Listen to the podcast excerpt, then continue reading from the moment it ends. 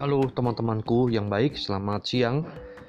Uh, saya Willy Wibiato ingin sharing pengalaman imanku. Uh, saya ambil dari kisah para rasul bab 16 ya. Ayat 22 sampai dengan 34, lalu ada uh, Injilnya dari Yohanes bab 16 ayat 5 sampai dengan 11. Judulnya yang aku buat adalah meleklah dan bertindaklah dengan goal.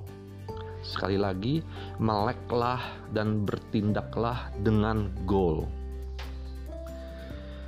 Ketika ya, saya di sini sebut ya, ketika Paulus dan Silas ada di kota Filipi, terjadilah yang berikut ini. Orang-orang Filipi bangkit menentang Paulus dan Silas. Hmm. Lalu pembesar-pembesar kota itu menyuruh mengoyakkan pakaian dari tubuh mereka dan mendera mereka. Setelah mereka berkali-kali didera, mereka dilemparkan ke dalam penjara. Kepala penjara diperintahkan untuk menjaga mereka dengan sungguh-sungguh Sesuai dengan perintah itu, kepala penjara memasukkan mereka ke ruang penjara yang paling tengah dan membelenggu kaki mereka dalam pasungan yang kuat. Tetapi kira-kira tengah malam, Paulus dan Silas berdoa dan menyanyikan puji-pujian kepada Allah, dan orang-orang hukuman lain mendengarkan mereka.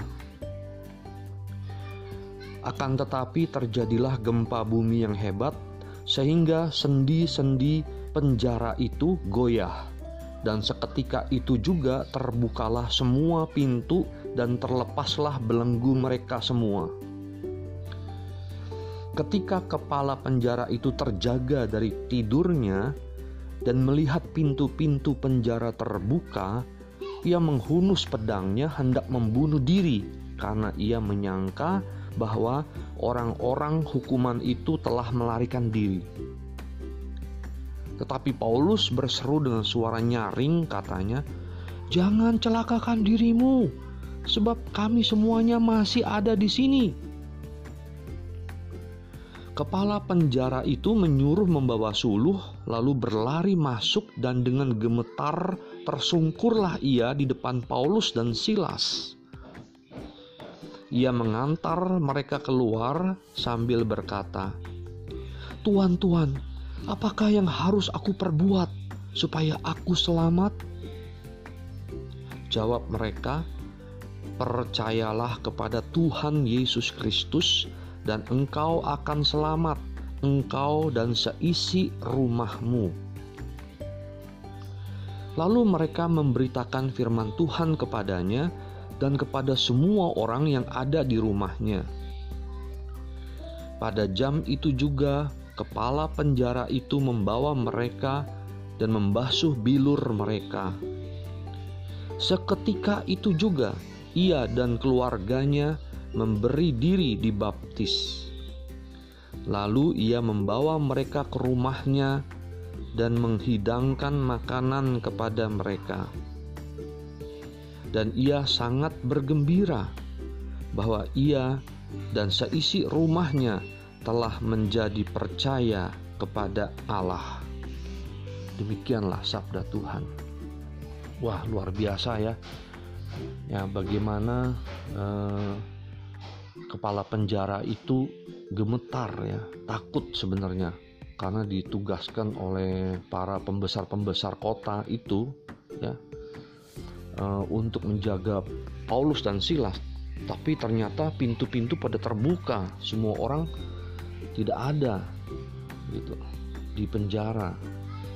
Tetapi dia takut ya, dia hendak membunuh diri dengan pedangnya, tetapi Paulus untungnya ber, berseru dengan suara nyaring, "Jangan, jangan membunuh diri.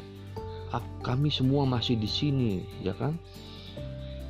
Uh, tetapi yang menariknya lagi, uh, pertanyaan apakah yang harus kami perbuat supaya kami selamat. Nah, inilah poin pentingnya ya. Paulus dan Silas itu mengajak untuk percayalah kepada Tuhan Yesus Kristus, engkau dan seisi rumahmu. Langsung mereka uh, apa Pak kepala penjara dan keluarganya seisi rumahnya itu mau dibaptis. Nah, itulah ya yang jawaban yang terpenting ya, jawaban yang tepat. Bukan karena takut akan dihukum sama pembesar-pembesar kota, tetapi uh, yang sekarang adalah berbalik bersuka cita karena telah percaya kepada Allah Bapa di sorga, percaya kepada Tuhan Yesus Kristus. Ya, itu yang penting. Berbalik ya, merasakan sukacita. Teman-temanku, di bait pengantar Injil juga ada roh kebenaran, ya, roh penghibur. Ya, aku akan mengutus roh kebenaran kepadamu, sabda Tuhan, dan ia akan memimpin kamu ke dalam seluruh kebenaran.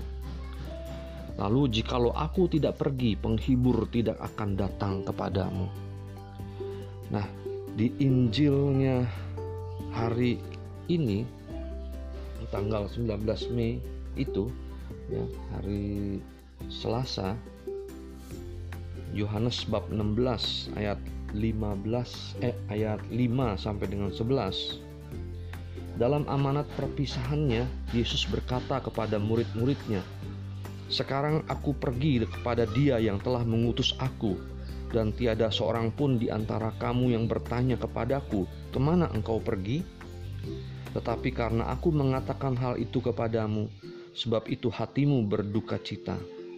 Namun benar yang kukatakan ini kepadamu adalah lebih berguna bagi kamu jika aku pergi, sebab jikalau aku tidak pergi, penghibur itu tidak akan datang kepadamu, tetapi jikalau aku pergi, aku akan mengutus dia kepadamu. Dan kalau ia datang, ia akan menginsafkan dunia akan dosa, kebenaran, dan penghakiman akan dosa karena mereka tetap tidak percaya kepadaku. Akan kebenaran karena aku pergi kepada Bapa dan kamu tidak melihat aku lagi. Akan penghakiman karena penguasa dunia ini telah dihukum. Jadi, teman-temanku, betapa pentingnya roh kebenaran, roh penghibur dan besok tanggal 31 Mei itu hari Minggu Pentakosta. Jadi turunnya Roh Kudus ke, ke dalam hati kita masing-masing. Ya, mari kita minta kekuatan, kita minta Roh Kudus memberi uh, hadir menjadi raja di dalam hati kita. Ya karena karunianya luar biasa sekali. Sehingga kita mengalami sukacita selamat seperti kepala penjara itu. Teman-temanku, saya merasakan di dalam saya uh, berbisnis juga mengalami stuck. Tetapi uh, dari bacaan hari ini dan pengajaran-pengajaran yang saya terima itulah karunia Roh Kudus yang di dalam hatiku aku diajak untuk melek ya terbuka sadar bahwa ayo kita kita willy bertindak dengan goal supaya tidak stuck. Kalau saya tidak mempunyai goal dan saya tidak bertindak ya stuck tapi walaupun saya bertindak tetapi saya tidak mempunyai goal juga stuck. Tidak ada semangat dan itulah uh, Roh Kudus uh, memimpin saya untuk saya bertindak dengan goal dan saya melek. Makanya judulnya meleklah dan bertindaklah dengan goal. Oke teman-temanku, selamat bekerja. Penuh iman, harapan, dan cinta kasih yang berkobar-kobar untuk Tuhan dan sesama. Bye. Thank you